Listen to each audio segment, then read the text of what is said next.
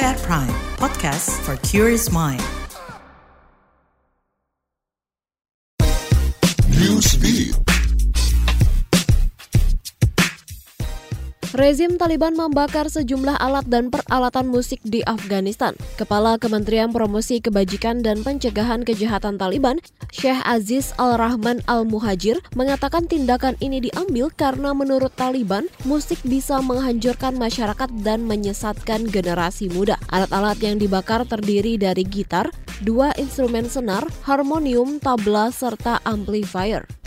Imbas cahaya yang keluar terlalu terang, logo X di atas gedung kantor pusat Twitter dibongkar. Pembongkaran ini dilakukan setelah masyarakat memprotes terangnya cahaya dari logo raksasa tersebut. Bahkan pemasangan logo perusahaan milik Elon Musk ini disebut-sebut melanggar ketentuan karena memasang logo baru tanpa izin dan sinarnya terlalu terang. Juru bicara Departemen Infeksi Bangunan San Francisco, Patrick Hannan, mengungkapkan pihaknya telah menerima 24 keluhan tentang struktur yang tidak berizin.